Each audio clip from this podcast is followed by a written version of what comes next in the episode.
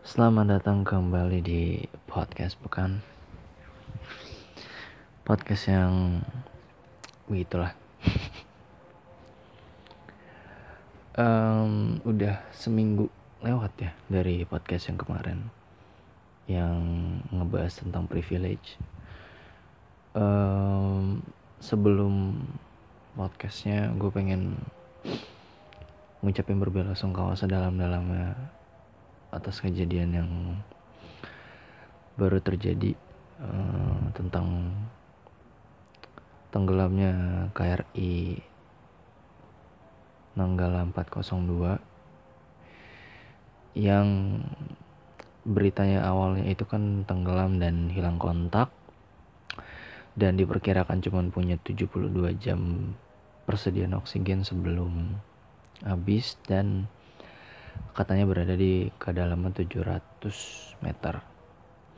Dan setelah 72 jam lewat akhirnya hmm, kapal tersebut ditemukan di kedalaman 838 meter. Dan dalam keadaan terbelah tiga uh, dari beritanya. Semoga um, semua awak kapal di sana diterima di sisi yang terbaik. Uh, dan juga keluarganya dapat ketabahan ya. Karena nggak tahu kenapa ya mungkin uh, agak sedikit personal. Kalau kasus ini gue tuh kalau ngelihat kasus-kasus kecelakaan transportasi darat uh, atau kayak transportasi udara gue gue tetap gue masih ngerasa kayak sedih cuman nggak sesedih ini gitu. Karena apa ya uh, karena gue punya sedikit ketakutan sama kedalaman laut gitu. Terus gue kayak ngebayangin gitu gimana mereka berada di kedalaman 800 lebih di bawah permukaan laut. Dan ya memang gue kalau tiap ngelihat video-video yang tentang ngebahas laut dalam tuh uh, ngerinding sendiri gitu gue dan gue ngelihat video-video uh, salah satu video yang cukup bikin gue ngerasa sedih banget itu ada video dari salah satu anak dari awak kapalnya itu sampai katanya sebelum itu dia nahan ayahnya yang di mana menjadi salah satu 53 dari awak kapal itu untuk gak boleh kerja. Dan itu udah itu udah bikin gue ya Allah kasihan banget gitu. Terus ditambah gue sempat lihat video di mana ada percakapan si ibunya lagi ngomong sama si anaknya ini uh, tentang ayahnya gitu. Ayahnya belum pulang kangen dan segala macam itu yang gue ngerasa kayak sedih gitu. Dan beberapa video-video lain kayak uh, ada reporter Metro TV yang membacakan narasi sambil nahan nangis gitu. Apa ya berasa gitu buat gue secara pribadi ketimbang kecelakaan-kecelakaan yang lain gitu. Karena mungkin kecelakaan uh, kapal selam itu jarang terjadi ya gitu. Jadi kalau dilihat tuh apalagi gue secara personal memang punya ketakutan sama laut dalam. Jadi kayak ngerasainnya tuh sedihnya berasa gitu. Nggak tahu kenapa gitu. Ya semoga mereka dapat uh, tempat terbaik lah di akhirat sana. Dan buat keluarga-keluarganya ya semoga diberi ketabahan. Terus buat anak-anaknya semoga mereka bisa uh, ngebanggain orang tuanya gitu. Aduh karena gimana ya? Nah yang namanya bertugas kita nggak ada yang pernah tahu. Dan ya ini baru yang namanya resiko gitu. Resiko pekerjaan itu bukan yang kayak kemarin gue bahas yang masalah perawat itu. Ya ini baru namanya risiko cuman emang kita nggak ada yang mau ini kejadian cuman sayang ini bagian dari salah satu risikonya gitu. Dan dari kejadian ini juga banyak yang terlihat orang-orang yang tidak punya eman eh, emansipasi yang tidak punya simpati ya. Ketahuan dari banyaknya orang-orang yang memanfaatkan momen kap, tenggelamnya kapal ini dengan menggunakan sama sih sebenarnya kayak kemarin yang permasalahan Sriwijaya Air. Yang kayak kapal aja ternyata bukan kapal aja yang tenggelam ternyata ini dan itu banyak banget. Bahkan ada satu komen yang emang menurutku nggak sopan banget yang berlebihan parah sampai akhirnya si pembuat uh, komenan ini akhirnya disamperin langsung. Dan dia sih ngakunya dibajak ya cuma menurut gua ya siapa dia harus sampai dibajak Facebooknya menurut gua. Ya di mana maksudnya uh, udah mulai nggak masuk akal gitu. Semua hal yang sifatnya tragedi kayak gini kecelakaan musibah tuh masih ada orang yang mencoba untuk menjadikan itu bahan konten bahan komedi yang nggak tepat gitu. Bahkan nggak cuma yang sifatnya kayak gini ada juga yang orang-orang akun-akun yang malah nge-share tentang um, seberapa menyeramkannya kedalaman 700 meter. Maksud gue ngapain gitu? Ngapain kita harus tahu gitu? Maksudnya ini kan bukannya justru malah bikin makin memperburuk kan memperkeruh gitu. Kayak seolah-olah mereka bilang kayak gitu. Seolah-olah kayak serem banget bayangin gitu. Ngapain gitu ya aneh-aneh lah orang-orang zaman sekarang dengan media sosial yang semakin berkembang. Mulai mereka mulai membuat sesuatu tanpa memikirkan lah.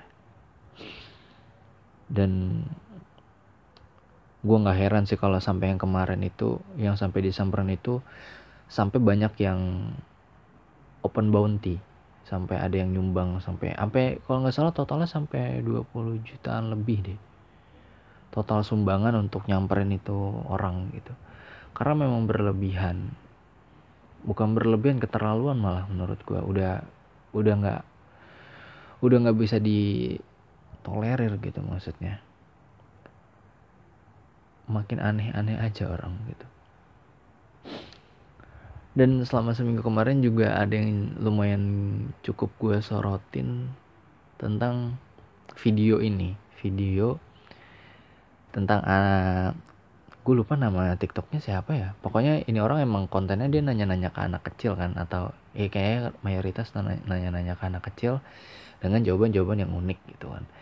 Dan kemarin itu dia nanya kepanjangan dari SD dan banyak yang ternyata anak-anak SD itu nggak tahu gitu.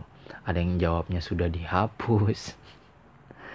Ada yang jawabnya hmm, SD Jami. Jadi dia nyebutin nama SD tempat dia sekolah bukan singkatan dari SD-nya gitu. Dan ada yang ngeduetin beberapa video yang salah satu video yang lucu tuh rata-rata yang lucu tuh ekspresinya gitu. Kayak setelah ditanya kepanjangan SD apa mereka tuh kayak mikir lah iya ya gue selama ini sekolah di SD tapi nggak tahu SD apaan gitu. Dan banyak yang komen uh, bilang di satu sisi lucu tapi di sisi lain miris. Mereka sampai tidak tahu sampai hal sesederhana itu. Dulu gue zaman gue uh, kayaknya nggak mungkin deh sampai nggak tahu dan segala macam. Um, menurut gue gue balik lagi gue tarik ke dalam teori bukan teori sih maksudnya pemikiran atau pandangan gue bahwa bukan karena zaman dulu itu nggak sesek nggak separah sekarang. Mungkin zaman dulu karena nggak ada media sosial aja gitu. Maksudnya di zaman sekarang kan punya kelebihan mungkin pendidikan lebih merata ketimbang zaman dulu. Ya mungkin zaman dulu dengan pendidikan yang tidak merata untungnya tidak ada media sosial di mana banyak orang sharing gitu. Jadi ya nggak banyak orang yang tahu gitu ya emang mungkin anak-anak yang paham singkatan SD pada zaman dulu lebih banyak ketimbang sekarang. Cuman pasti ada lah gitu yang nggak tahu maksud gua. Um, kalau misalnya harus dibandingkan dengan perkembangan zaman dan era globalisasi ya mungkin emang ada ngaruhnya juga. Di mana mereka lebih paham hero-hero dari game-game online ketimbang eh, pahlawan-pahlawan dan tokoh-tokoh yang ada di Indonesia gitu. Cuman gua rasa kalau mereka sudah mulai membandingkan dengan zamannya dia dan segala macam ya ya udah sih maksudnya semua orang punya masanya punya punya halangannya masing-masing tiap zaman kan gitu. Kayak zaman zaman lu kecil pasti lu diceritain sama orang tua lu kalau orang tua lu tuh sekolah kayak ngelewat kayak ini tau gak sih lu? Kayak ninja ninja gitu ngelewatin gunung ngelewatin lembah ya kan? Kayak sesuatu yang template banget gitu. Karena gua didengar diceritain sama nyokap gua gitu temen gue juga rata-rata diceritain sama orang tuanya kayak gitu. Tapi kan emang itu mungkin hambatan yang real terjadi gitu pada zamannya mereka. Karena mungkin secara fasilitas mereka juga nggak belum merata. Secara uh, fasilitas umum kayak mungkin jalan raya jembatan dan segala macam itu belum semaju sekarang belum semerata sekarang ya itu hambatannya mereka. Ya zamannya kita mungkin hambatannya beda gitu kan. Uh, sama zaman zaman mereka gitu. Ya dan juga zaman sekarang beda lah gitu. Uh, mungkin kalau zaman dulu tiba-tiba ada sekolah daring lu nggak akan punya kesempatan untuk dapat pendidikan bener-bener full sekarang walaupun mereka daring mereka masih punya kesempatan mereka masih punya akses yang lebih dimudahin ya kan? Sekarang internet udah lebih murah lebih cepet ya kan? Coba zaman dulu kalau lu bayangin zaman dulu ada pandeminya. Zaman zaman lu SD zaman zaman lu SMP mungkin. Di mana internet tuh salah satu yang hal yang krusial bukan krusial mewah gitu. Ya nggak semua orang punya internet di rumahnya kan gitu dulu tuh kalau gue ngeliat temen gue masang wifi di rumah tuh orang kaya banget. Sekarang nggak harus orang kaya. Gitu. Orang-orang yang masih menengah itu aja udah bisa masang wifi. Karena sekarang provider wifi nggak harus yang mahal kan.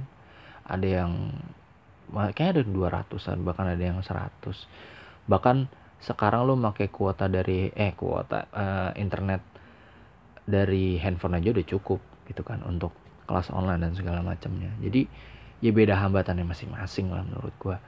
Kalau misalnya lu membandingkan gila singkatan SD aja mereka nggak tahu. Ya mungkin zaman dulu lu juga banyak lebih nggak tahunya gitu kan. Karena kan ya mungkin gini loh maksud gue mungkin nggak ada orang yang ngebahas ini gitu. Karena waktu gue kecil alasan gue tahu uh, singkatan-singkatan dari ini pendidikan gitu kayak SD, SMP, SMA ya karena banyak orang yang nyebutin. Bahkan gue taunya itu karena gue pertama kali nyadar bahwa bedanya itu ya karena ini.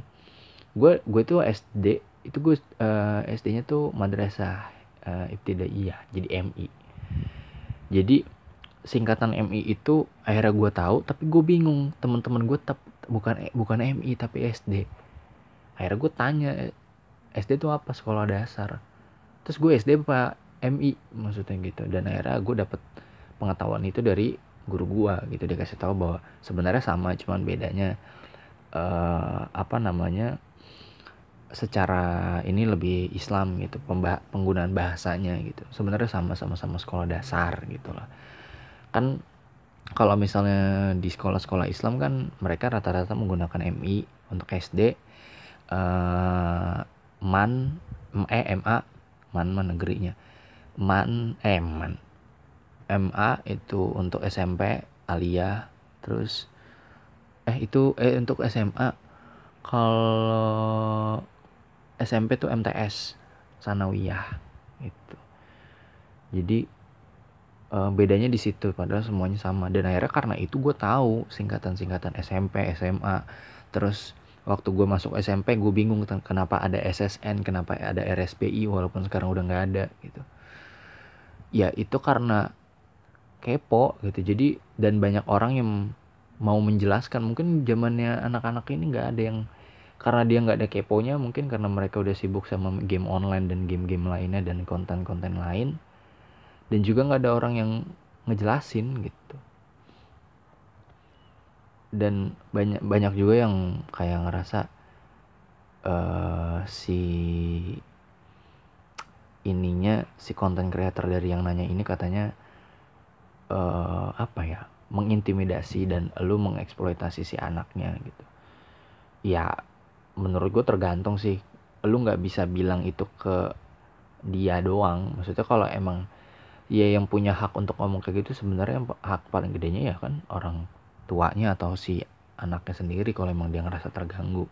Sama kayak ceritanya um, TikTok ya kalau salah. TikTok apa videonya gitu yang nggak bisa bahasa Inggris. Itu kan viral banget tuh beberapa waktu ke belakang. Nah itu ternyata uh, gue gue sempet kepo ya gue cari videonya uh, afterlife si orang ini. Ternyata anaknya sekarang udah mau masuk SMP kalau nggak salah pas di video itu ya SMP atau SMA gitu udah gede anaknya. Uh, dan disamperin sama uh, orang yang bikin videonya. Jadi ternyata orang yang bikin video ini wartawan atau reporter gitu. Pokoknya intinya uh, dia itu pas bikin video itu emang uh, dalam keadaan dia lagi nyari jalan beneran. Lagi nyari nyari jalan beneran cuman dia ngelihat ada anak sekolah uh, akhirnya dia kerjain dengan nanya kayak gitu. Dan ternyata uh, impactnya itu si anaknya tuh sampai uh, apa namanya sampai dikenal gitu. Bahkan teman-temannya banyak yang bilang banyak yang ngeledekin dia juga gitu. Sempat sempat jadi bahan bercandaan lah ibaratnya gitu bahkan kalau lu ada videonya di YouTube gue lupa namanya apa. Pokoknya setelah disamperin itu si reporter itu sampai ngawancara saudaranya sampai uh, orang tuanya. Dan orang tuanya itu kalau nggak salah ibunya itu ngerasa sempat kesel karena uh, dia tuh apa namanya ngerasa anak gue emangnya se on itu apa gitu maksudnya. Jadi kesel gitu. Jadi anaknya kenapa jadi diginiin gitu nah kalau yang kayak gitu mungkin bisa gitu kalau emang si orang tua atau si yang bersangkutan ngerasa itu tersinggung. Cuma menurut gua ini nggak ada hal-hal yang gimana banget. Cuman ya emang agak maksudnya agak gimana ya? Um, dengan dia nanya anak-anak seolah-olah dia yang kayak paling tahu gitu. Banyak yang bilang kayak gitu. Kalau itu gue justru setuju gitu kayak seolah-olah anak anak it, anak itu harus punya pendid harus harus punya pengetahuan yang sama kayak dia waktu zaman SD di mana ya beda gitu maksudnya. Dan menurut gue ini masalah yang lebih dalam lagi nih masalah parenting orang tuanya masing-masing kan. Maksudnya anak ini kenapa bisa sampai ke tahap lebih tahu hero game online ketimbang toko-toko di Indonesia? Ya pasti kan karena dari orang tuanya juga mungkin gitu kan masalah masalah mereka ngedidiknya gitu beda beda beda gitu maksudnya. Jadi ya harus dibalikin lagi gitu. Dan lagi juga kalau misalnya lu membandingkan gue gue deh misalnya gue kalau misal gue ngebandingin pendidikan gue zaman sekarang dengan zaman jangan zaman yang eh pendidikan gue zaman dulu sama yang sekarang menurut gue yang toh zaman dulu juga apa pun yang apa yang kita coba untuk hmm, pahamin di sekolah tuh nggak semuanya dipakai gitu. Kayak yang dijelasin sama materinya stand up Panji yang tentang pendidikan gitu bahwa dia bilang uh, di spesialnya dia tentang mesaknya bangsaku dia bilang hal yang capek-capek kita apalin sekarang sekarang belum tentu benar gitu dia ngebahas tentang jumlah planet. Ya sama gitu. Banyak hal yang kita coba pelajarin. Di sekolah tuh banyak yang nggak kepake juga pada sekarang. Kayak misalnya sekarang gue berada di jurusan desain grafis. Ya mungkin desain grafis adalah jurusan yang menurut gue secara umum harus paham semuanya semua aspek. Cuman kan nggak semua hal gitu. Kayak gue nggak akan tiba-tiba uh, pengen nggak gue nggak akan tiba-tiba harus tahu dan harus apal uh, sejarah perang dunia kedua dan segala macem gitu. Atau mungkin cerita-cerita rakyat. Gue nggak yang harus tiba-tiba tahu. Gue harus punya sesuatu reason untuk tahu gitu maksudnya. Ya kayak misalnya gue waktu SMA gue IPA gue harus belajar tata nama molekul penamaan e, senyawa gitu sekarang juga nggak bakal gue pakai gitu kalau emang nggak mengharuskan gue untuk melakukannya gitu kan. Banyak hal lah gitu maksudnya emang setahu gue pendidik uh, uh, materi yang kita akan gunakan dari zaman kita sekolah 12 tahun itu paling sekitar 20 persenan doang. Yang bener-bener kepake gitu maksudnya. Ya kayak lu mungkin yang kuliah jurusan hukum atau jurusan uh, teknik ya lu nggak akan tiba-tiba belajar tentang seni juga kan gitu. Nggak akan belajar tentang ranah seni atau ranah kreatif dengan secara intens gitu atau lu tiba-tiba jadi tahu semuanya enggak kan gitu. Ya ibaratnya pelajaran SBK lu cuman sesimpel ngelukis di kanvas doang pas uas gitu zaman SMA mungkin gitu kan. Beda-beda lah maksudnya. Lagian ngapain kayak lu gue kadang mikir gini ngapain gue capek-capek bikin tata nama senyawa ya? Karena dalam kehidupan nggak gue pakai justru karena kan banyak banget barang-barang di Indonesia tuh yang menggunakan yang yang ngasih namanya barang-barang Indonesia tuh dikasih nama berdasarkan bunyinya. Iya nggak? Kayak jauh banget gitu. Lu kalau menamakan sesuatu yang sifatnya ilmiah tuh kayak dari genus apa spesies apa ras apa yang gitu gitulah ya kan? Tapi gara namain benda-benda sehari-hari pakai pakai bunyi. Kantong kresek kan bunyinya kresek. Terus uh, perekat yang di sepatu itu tuh sepatu kita zaman kita SD itu kan nama aslinya velcro. Cuman kan orang nyebutnya prepetan prepetan apa kalau nggak bukan dari bunyi? Ya kan? Ngapain gitu? Atau cetekan helm? Kenapa bunyi kenapa namanya cetekan helm? Gue juga nggak tahu sih itu nama aslinya tuh apa. Nama yang bener-bener sesuai KBBI itu nggak nggak tahu gue tapi kan namanya biasanya cetrekan. Bahkan eh, programnya si helm itu kan sampai klik kan. Klik kan bunyinya. Ya kan? Nggak mereka nggak menjelaskan pastikan alat ini terhubung. Enggak kan? Mereka bilang past, pastikan klik yang penting bunyi. Kayak aneh banget aja gitu. Lu belajar tentang tata nama dan segala macam gue tuh belajar itu terus tiba-tiba di kehidupan nyata tuh semuanya pakai bunyi penamaannya gitu. Plastik resek apalagi banyak banget gitu.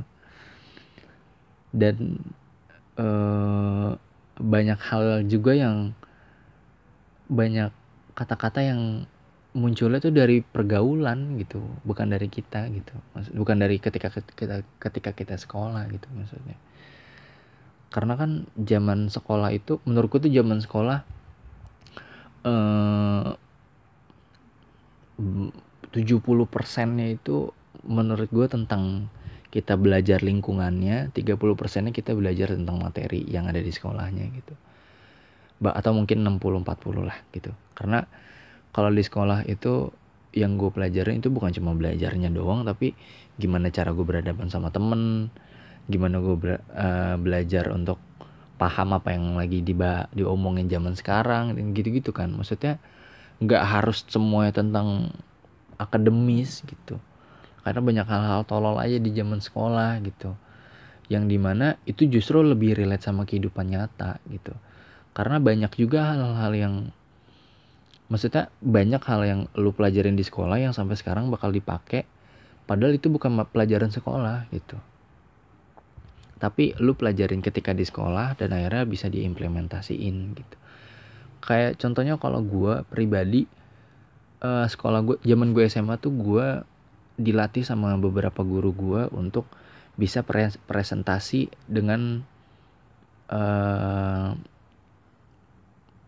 apa ya istilahnya presentasi dengan menggunakan uh, teks seminim-minimnya tapi gue bisa menjelaskan itu itu awalnya susah banget gitu gue ngerasa karena memang sebenarnya uh, definisi dari presentasi lo pakai PowerPoint itu kan namanya aja PowerPoint, power of point. Jadi yang ada di situ ya poin-poinnya aja baru lu jelaskan, lu jabarin. Jadi uh, si elemen PowerPoint ini sebagai elemen pendukung lu untuk menjelaskan sesuatu kan sebenarnya.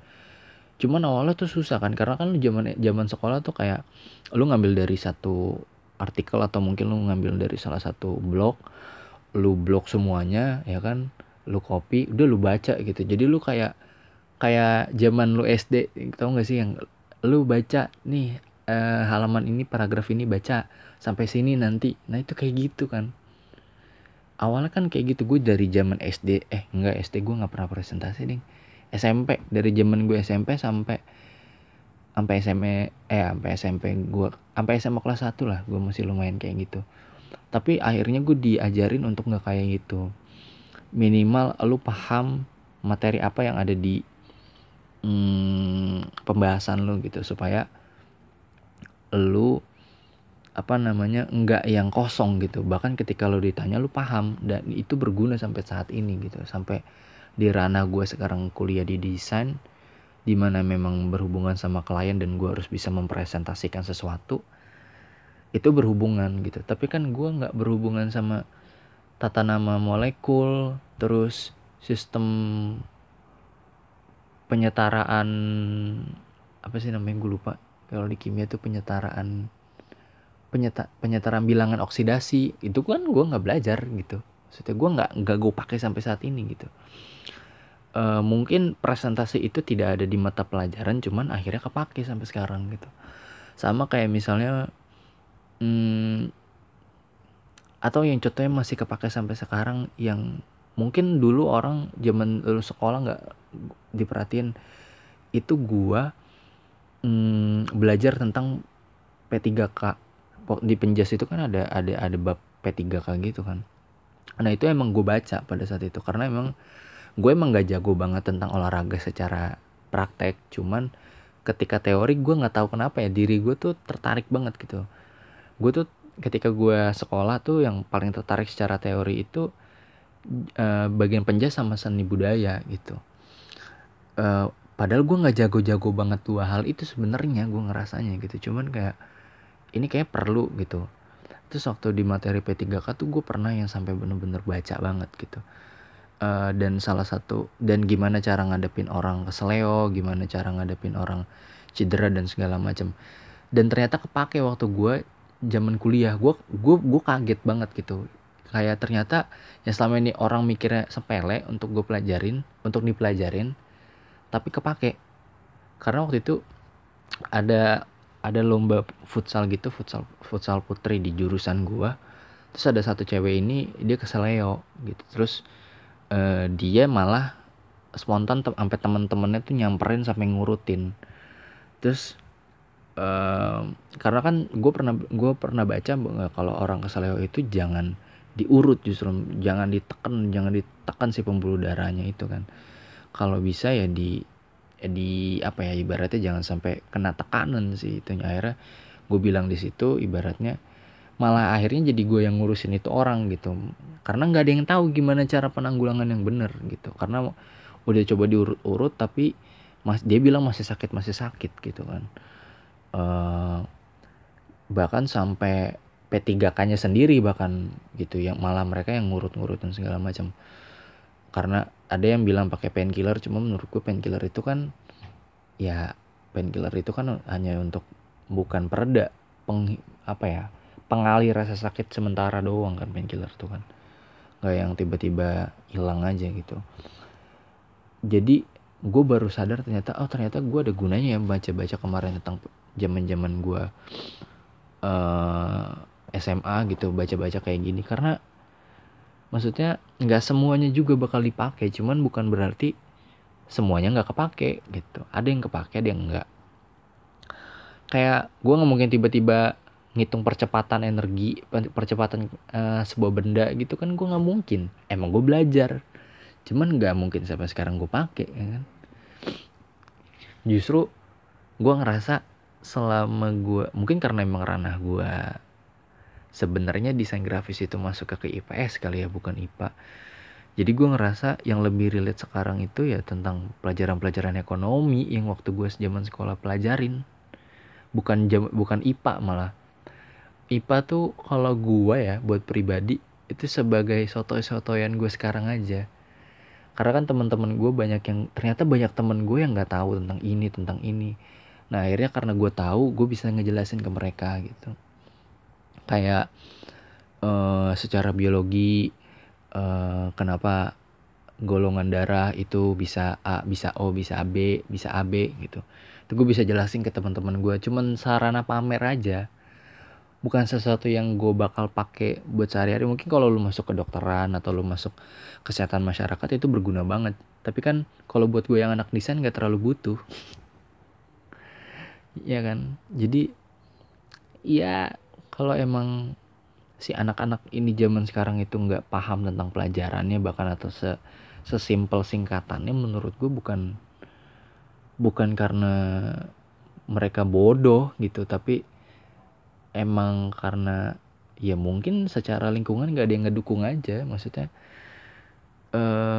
nggak uh, ada sesuatu yang bikin dia minat untuk belajar mungkin ya kan? Karena kan kunci dari sesuatu, sesuatu ingin dipelajarin karena ada minatnya gitu kan. Ya uh, Isaac Newton ya nggak akan tiba-tiba nyari tentang teori gravitasi kalau dia nggak penasaran sama kenapa apel jatuh dari atas ke bawah ya kan? Atau Archimedes nggak mungkin tiba-tiba uh, bikin teori Archimedes kalau misalnya dia nggak penasaran kenapa air ketika penuh terus gue masuk airnya pada tumpah terus nih air yang tumpah beratnya sama nggak kayak berat gue gitu. Memang itu nggak akan muncul kalau nggak ada rasa penasaran kan? Ya mungkin nggak ada rasa nggak ada rasa penasaran mungkin dari si anak-anaknya. Mungkin anaknya lebih penasaran gimana cara menang dengan skin ini atau dengan hero ini gimana cara mainnya ya itu mungkin rasa penasaran mereka yang lebih gede gitu. Cuman kan uh, yang salah sama anak-anak sekarang adalah mereka mainin game-game ini sebelum umurnya rata-rata kan. Kayak setahu gue tuh kayak Free Fire, Mobile Legend, PUBG, apalagi. Ya pokoknya itulah yang paling banyak dimainin sama anak-anak zaman sekarang. Itu kan ada minimum batasan umurnya di aplikasinya tuh entah lu di App Store atau di Google Play Store tuh kan ada setahu gue minimal 12 tahun dan mereka yang main tuh masih anak SD 12 tahun itu kan lo yang baru lulus SD mau masuk SMP di mana secara nalar lo udah bisa punya pemikiran lebih luas gitu. Tapi rata-rata yang mana anak SD saudara-saudara gua yang baru kelas 2 kelas 3 tuh udah pada main begituan gitu. Terus yang lucu adalah mereka tuh main sama temennya mereka ya open uh, on mic gitu open mic itu mereka ngatain temennya bocil. Padahal mereka masih kelas 2 kelas 3 yang di mana bocil juga. Kayak cil cil sini cil. Ya lu juga bocil. Gimana sih? Aneh aja gitu maksud gua. Terus uh, banyak anak-anak yang ngegerombol. Mereka main gituan. Padahal esensinya nggak nggak gitu maksudnya. Ya makanya lah maka makanya itu kan banyak sekarang banyak uh, orang-orang yang dalam tanda kutip memanfaatkan anak-anak kecil ini sebagai masa gitu. Karena ya mereka secara penalaran belum belum punya nalar tapi mereka secara jumlah mayoritas gitu kan. Makanya mereka bisa dengan mudahnya gitu bikin bikin suatu ekosistem yang tiba-tiba banyak gitu maksudnya. Karena ya memang masa mereka anak-anak gitu kan karena mungkin anak-anaknya juga lebih penasaran sama itu ya kan? Ya mungkin selama ini dia ngerasa pelajaran atau sekolah dia daring itu bosen ya kan? Orang ada yang ngomong singkatan SD itu sekolah daring. Ya nggak salah sih emang dia sekolah pas lagi daring. Terus ada yang bilang sekolah dewasa itu itu yang lucu banget tuh video itu dia ngomong sekolah dewasa banyak yang kayak gitu. Ada yang bilang sekolah dangdut ya kan? Maksud gue ya mungkin nggak ada orang yang ngasih tahu atau nggak dia nggak kepo aja gitu sama hal itu. Karena kan kalau gue ada gue gue kepo karena alasan gue tahu sekolah dasar ya karena gue kepo. Kenapa gue MI tapi temen-temen gue yang di rumah tuh rata-rata SD gue bingung. Akhirnya gue tanya gitu kan. Dikasih tahu MI itu ibtidaiyah terus nanti lo SMP itu di sekolah Islam MTS terus lo di sekolah Islam ketika SMA namanya MA gitu. Jadi gue tahu gitu. Tapi mungkin kalau gue nggak kepo gue nggak akan tahu gitu. Ya banyak lah hal kayak gitu. Kayak uh, gue belajar software Photoshop dulu. Gue gue belajar gue dari zaman gue SD gue udah dikenalin sama Photoshop. Waktu itu CS3 kalau nggak salah. Jadi uh, waktu itu gue diajarin sama guru komputer gue TIK dulu namanya kan. Guru TIK gue tuh bikin foto uh, buka Photoshop uh, bikin kayak brosur atau banner-banner sederhana lah. Gue masukin clip art gue masukin teks. Terus seiring berjalannya waktu gue punya laptop gue kepo akhirnya gue install Photoshop. Cuman waktu itu gue cuman pakai ya sama gitu nggak jauh-jauh beda lah. Gue bikin desain desain desain norak lah desain desain zaman dulu yang masih backgroundnya masih gradien norak yang warna hijau sama merah warna kontras banget. Norak lah intinya. Uh, sampai akhirnya ke titik gue kepo gimana caranya bisa manipulasi foto digital imaging. Ya udah gue cari di YouTube tutorialnya. Uh, mungkin kalau gue nggak kepo gue nggak akan bisa ditapi nih. Bahkan uh, ternyata gue kaget pas sampai kuliah Photoshop itu software yang paling susah ternyata di antara Illustrator sama apa waktu itu. Itu yang paling susah karena Photoshop itu secara layer atau manajemen toolsnya itu lebih susah lagi lebih ribet. Manajemen layernya juga lebih ngejelimet gitu nggak kayak Photoshop eh nggak kayak Illustrator. Ternyata ada gunanya gitu gue belajar nggak ibaratnya dalam tanda kutip gue nyolong start lebih dahulu di Photoshop ternyata ada gunanya gitu. Karena akhirnya ternyata banyak teman-teman gue yang nggak tahu dan nanya sama gue gitu. Mungkin kalau gue nggak kepo gue akan sampai ke tahap itu gitu maksudnya. Jadi ya mungkin menurut gue anak-anak ini ngejawab asal karena mereka sebenarnya nggak kepo-kepo amat. Mereka mungkin taunya nanti kamu masuk SD oh ya SD ini namanya SD gitu. Tapi nggak ada yang kayak tapi SD namanya apa ya? Gitu nggak ada gitu atau mungkin nggak ada yang nggak ada orang yang in real life ya bukan buat konten yang nanya lu tahu nggak panjangan SD apa? gitu. Karena dulu uh, eh, gue sempet di sekolah gue tuh ada yang kayak lomba-lombaan tahu singkatan dulu tuh di di kelas gue tuh. Iya kalau misalnya, ya lu tau gak singkatan ini tau nggak apa? Dari yang serius sampai bercanda tuh gue.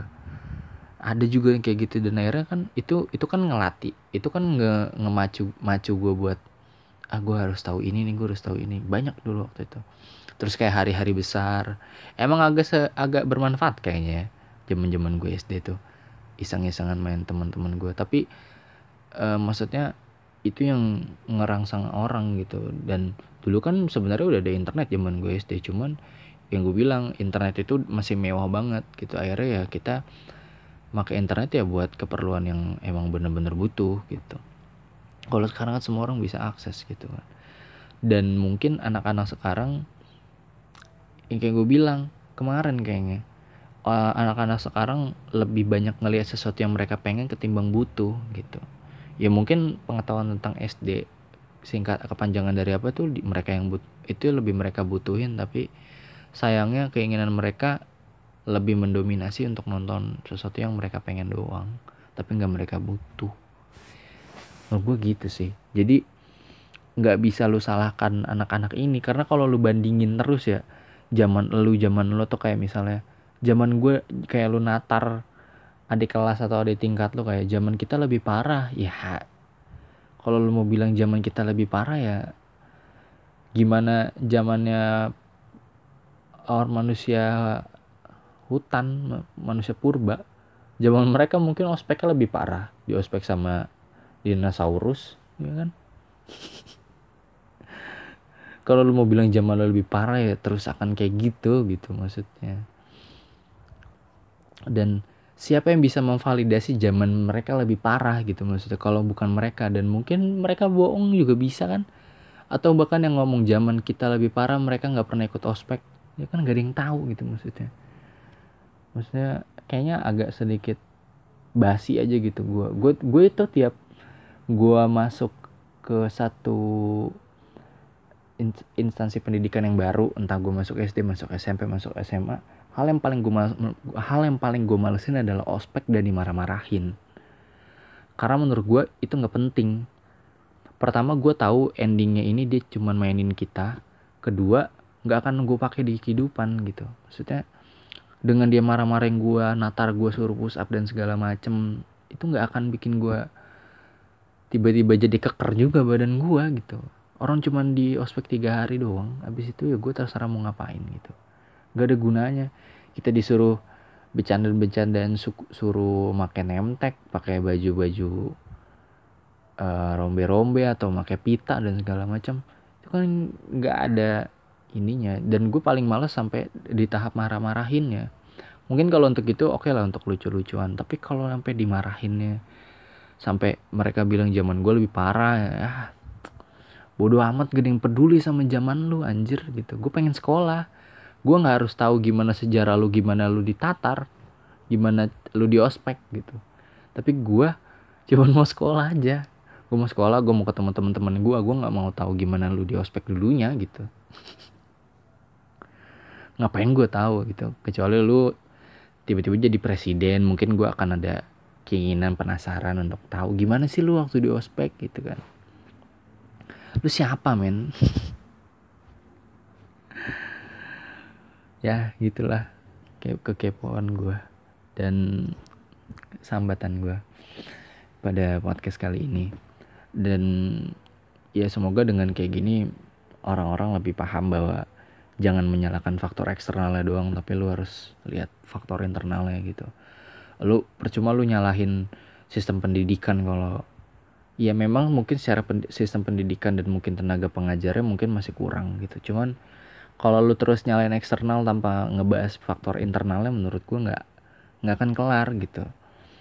Kayak um, banyak orang bilang ngapain sih kita harus capek-capek um, mikirin gimana tinggal di Mars atau segala macam tapi kita nggak nggak milih untuk ngeperbaiki lingkungan yang udah ada. Ya karena memperbaiki lingkungan yang udah ada sekarang mungkin bahkan lebih mahal dari ongkos kita mikirin gimana caranya bisa tinggal di Mars mungkin gitu kan. Ya ketika lu ngomongin masalah perbaikan di bumi mungkin lebih ya gimana masyarakat ya kan ada faktor dari yang lain. Ya mungkin mereka mau bikin penemuan yang ramah lingkungan kayak mobil ramah lingkungan kayak mobil-mobil listrik percuma kalau listriknya masih pakai listrik dari batu bara. Nggak akan ngenolong kan maksudnya? Ya gimana itu ada banyak faktor dan makan mungkin lebih mahal secara ongkos makanya mereka lebih mikir ke situ. Ya sama kayak gini-gini gitu. Jangan cuma nyalahin faktor eksternal tapi internal ya. Kenapa nih anak lebih paham Hero Mobile Legend ketimbang singkatan sekolah dasar gitu? Ya mungkin karena emang dari faktor internalnya juga nggak ada yang coba nanya gitu. giliran udah ada ada kontennya baru pada nanya kan? Ya begitulah. Dan semua sekarang serba konten. Jadi mereka kayaknya lebih senang ketika ada orang yang punya reaksi yang bodoh uh, terhadap sesuatu ketimbang mereka tiba-tiba tahu gitu. Reaksi bodoh tuh banyak banget gitu. Reaksi orang-orang tolol kayak ketika ditanya nggak tahu atau ketika ngelakuin apa nggak tahu itu lebih menarik untuk dijadiin konten. Makanya mereka lebih banyak mengeksploitasi tentang ketololan kan? Ya itulah. Karena orang butuh hiburan ketawa. Hmm. kadang gue juga gitu sih. Jadi gue tidak merasa gue suci. Enggak men. Gue kotor.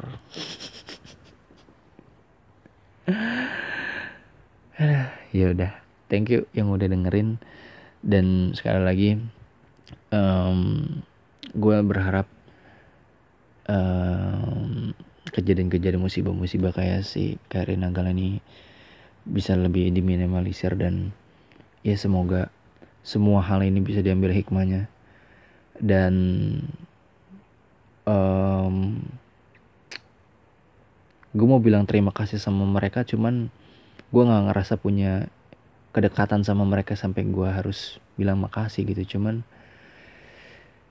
ya gue salut sama keluarga mereka sih terutama yang punya punya kesabaran segede itu sih. Gue salut sama keluarga-keluarga mereka. Mungkin mereka hancur di dalamnya. Yang yang yang kemarin reporter Metro itu sampai nang, nahan nangis tuh dia nyeritain istri dari si komandannya kalau nggak salah deh. Yang di mana mereka si si istrinya itu masih berusaha untuk menenangkan keluarga korban yang lain ke rumah-rumahnya. Bilang sabar padahal dia juga gitu. Salut gitu gue sama keluarga-keluarga itu salut banget. Jadi ya semoga mereka semua mendapatkan hal yang baik nanti ke depannya. Ya udah udah kelamaan dari podcast gue udah makasih yang udah dengerin. Uh, ja, bisa lu dengerin podcast ini lagi gabut ya kan? Entar lagi nugas dan segala macam saya udah dengerin semuanya. Dah